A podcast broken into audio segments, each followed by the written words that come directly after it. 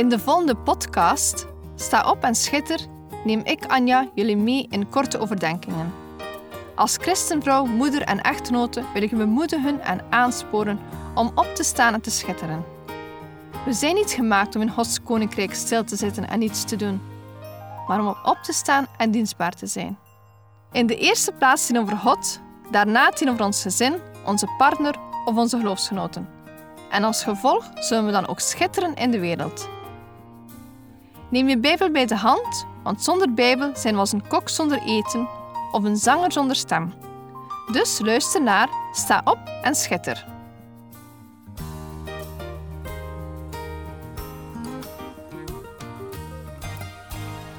Vandaag in uitzending 20 neem ik jullie mee in de wereld van engelen. In Colossensen 1, vers 16 lezen we: Want door hem zijn alle dingen geschapen, die in de hemelen en die op de aarde zijn, die zichtbaar en die onzichtbaar zijn. Tronen, heerschappijen, overheden of machten. Alle dingen zijn door hem en voor hem geschapen. We lezen hier dat God alle dingen geschapen heeft dus inclusief de engelenwereld. Eeuwenlang hebben kunstenaars engelen afgebeeld, als prachtige mensen met vleugels, gloeiend licht, harpen en witte gewaden. Engelen hebben allerlei fantasierijke verhalen en afbeeldingen geïnspireerd. Maar wat blijft er over als we feiten van fictie scheiden? Om de waarheid te kennen, moeten we ons afvragen: wat zegt de Bijbel over engelen? Eerst en vooral moeten we ons bewust worden van de onzichtbare wereld. In Efeze 6, vers 12 staat er: Want wij hebben de strijd niet tegen vlees en bloed, maar tegen de overheden, tegen de machten, tegen de wereldbeheersers van de duisternis van dit tijdperk, tegen de geestelijke machten van het kwaad in de hemelse gewesten. We ontdekken dus dat er in de hemelse gewesten dus in het onzichtbare wereld sprake is van strijd. Een strijd die wij voeren door gebed tegen duistere machten. Voor de zonneval moet er dus een opstand in de geestelijke wereld geweest zijn, waarbij engelen zich tegen God gekeerd hebben en slecht geworden zijn. Satan is zo'n opstandige engel. Het woord Satan betekent tegenstander. Het is zeer belangrijk het bestaan van deze onzichtbare wereld te kennen, zodat we ook zo onze geestelijke vijand kennen. Het feit dat er een geestelijke vijand overwonnen moet worden, wordt goed geïllustreerd in het tiende hoofdstuk van het boek Daniel. Daniel was aan het bidden en hij kreeg geen enkel antwoord. Hij had al drie volle weken geweden. Ten slotte kwam een engel die raakte hem aan en zei dat hij onderweg 21 dagen lang opgehouden werd door de machtige, slechte geest die heerst over het rijk van de Perzen.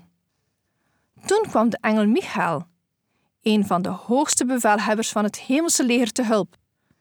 Daardoor was hij in staat door deze blokkade heen te breken.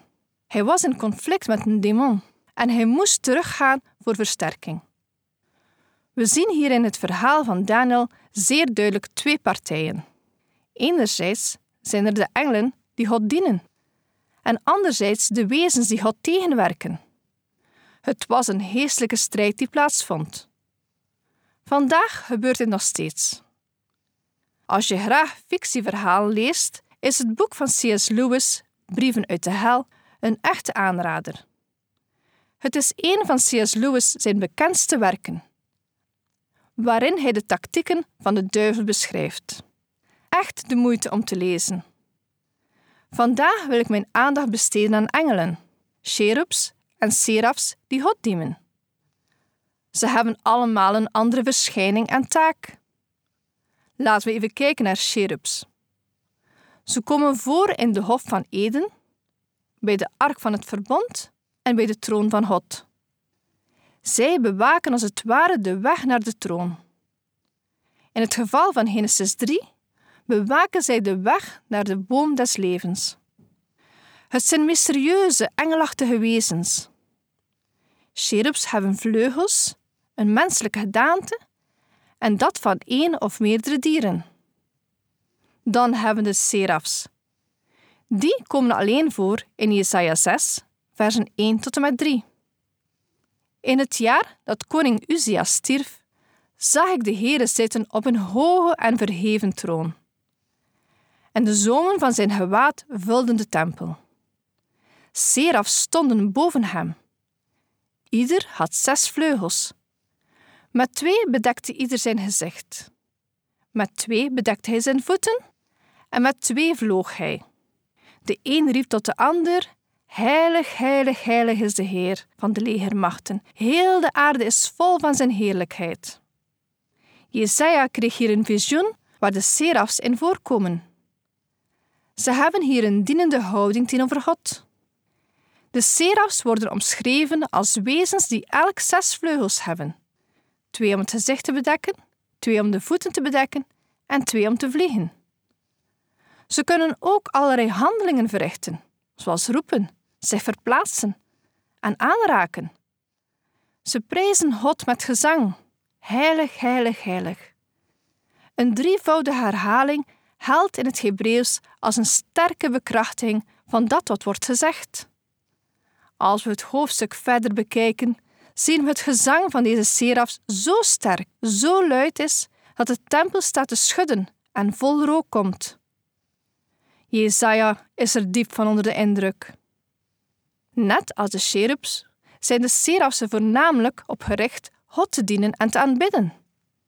Als we dan engelen bekijken, zien we dat sommigen verschijnen als mensen, zoals bij Abraham. Daar zijn er twee mannen die samen een maaltijd nemen, waarvan we kunnen uitgaan dat het engelen zijn. Ook in Hebreeën 13, vers 2 kunnen we lezen dat engelen een gedaante kunnen aannemen van een mens. Er staat: Vergeet de gastvrijheid niet, want hierdoor hebben sommigen, zonder het te weten, engelen onderdak geboden. Er zijn dus gevallen waarin je in de aanwezigheid van engelen bent, zonder dat je het beseft. Als we de Bijbel verder bekijken, zien we bijvoorbeeld bij het verhaal van Maria dat er een engel verschijnt als boodschapper. Toen Daniel in een leeuwenkuil werd gegooid, overkwam hem niets, omdat zijn engel stuurde en de muilen van de leeuw sloot. Hier zien we engelen als beschermers. In Handelingen 12 lezen we hoe Petrus in de gevangenis zit en God een engel zendt om hem te bevrijden. Ook in Marcus 1, vers 13 lezen we hoe Jezus werd geholpen door engelen wanneer hij op de proef werd gesteld door Satan. De onzichtbare wereld is er nu nog. Hoewel wij de geestelijke wereld niet kunnen zien, weten we vanuit de Bijbel dat het een realiteit is. We zien dus maar een deel van de werkelijkheid om ons heen. Misschien zit er nu wel een engel naast jou mee te luisteren. Of staat rond je huis een legermacht vol engelen om jou te beschermen. Soms lezen we in de Bijbel dat God die geestelijke wereld zichtbaar maakt. Bijvoorbeeld in 2 Koningen 6, versen 15 tot en met 17. Daar staat: De dienaar van de man Gods stond heel vroeg op en ging naar buiten. En zie, een leger met paarden en strijdwaans omringde de stad. Toen zei zijn knecht tegen hem: Ach, mijn heer, wat moeten we doen? En hij zei: Wees niet bevreesd, want die bij ons zijn, zijn meer dan die bij hen zijn. En Elisa bad en zei: Heere, open toch zijn ogen, zodat hij ziet. En de Heere opende de ogen van de knecht, zodat hij zag. En zie, de berg was vol paarden en strijdwagens van vuur rondom Elisa. We lezen hier hoe God engelen zond, als vurige paarden met wagens. Zij stonden tussen Elisa en de Syrische soldaten in. Wat zag Elisa? Hij zag eerst die engelen met die vurige paarden. En omdat hij de engelen en paarden vooraan zag, bleef hij rustig. De knechten zagen dat niet, waardoor ze bang waren. Elisa bad tot God om de ogen te openen van de knechten. En toen zagen ook zij de grote bescherming. Wij kunnen ook in een situatie komen dat we het benauwd krijgen. Ga dan in gebed, zoals Elisa. zodat je ogen mogen opengaan. Misschien zul je het niet zien in letterlijke vorm, maar wel in je gedachten en zul je rust vinden. Als je ogen opengaan, mag je Gods genade en trouw zien. Dan zeggen we net als Elisa: Wees niet bevreesd, want die bij ons zijn, zijn meer dan die bij hen zijn. Engelen zijn er om ons te beschermen. En dat kunnen we onder andere lezen in Psalm 91, vers 11, waar er staat: Want hij zal voor u zijn engelen bevel geven, dat zij bewaren op al uw wegen. Kom tot besef dat er op al onze wegen engelen zijn. God staat erboven en heeft instructies. In Psalm 103, vers 20 lezen we: Loof de Heere, u zijn engelen, sterke helden die zijn woord uitvoeren, gehoorzaam aan het woord dat hij spreekt. Engelen worden hier sterke helden genoemd. We hebben het al gehad over de strijd in de hemelse gewesten, waar er voor ons gevochten wordt. Wees dankbaar dat God dit voor ons doet. Alle eer komt Hem toe. Ik heb thuis een beeldje van twee schattige witte engeltjes met vleugeltjes, en één ervan houdt een parel vast. Ze bekijken en koesteren die parel. Die parel, dat zijn wij, en engelen zijn er om ons te beschermen. In de realiteit zijn ze waarschijnlijk niet als mijn beeldje schattig met witte vleugeltjes, maar groot en sterk. De engelenwereld wordt in vele religies gebruikt, waardoor er veel misvattingen zijn over engelen. Ik wil er drie benoemen. Als eerste hoor je soms: als je doodgaat, word je een engeltje. We moeten ons bewust zijn dat God mensen en engelen verschillend geschapen heeft. Dus we zullen nooit transformeren naar een engel. Een tweede. Engelen hebben blonde krulletjes, blauwe ogen en mooie witte vleugels. Dit heb ik al weerlegd. Engelen kunnen in allerlei gedaantes verschijnen. Als derde, engelen beschermen je altijd. Dit klopt natuurlijk niet. Satan zegt trouwens ook tegen Jezus als hij in de woestijn is: Spring maar van het dak van de tempel af, want engelen zullen je dragen. En wat zegt Jezus? Je moet de Heere God niet verzoeken. Engelen moeten juist gehoorzamen aan God en alle beslissingsrecht komt steeds bij Hem te liggen. Ik hoop dat jullie mogen stilstaan bij het feit dat er een grote onzichtbare strijd aan de hang is in de hemelse gewesten. Een strijd tussen Satan en God. Een strijd tussen licht en duisternis. Een strijd om de gelovigen.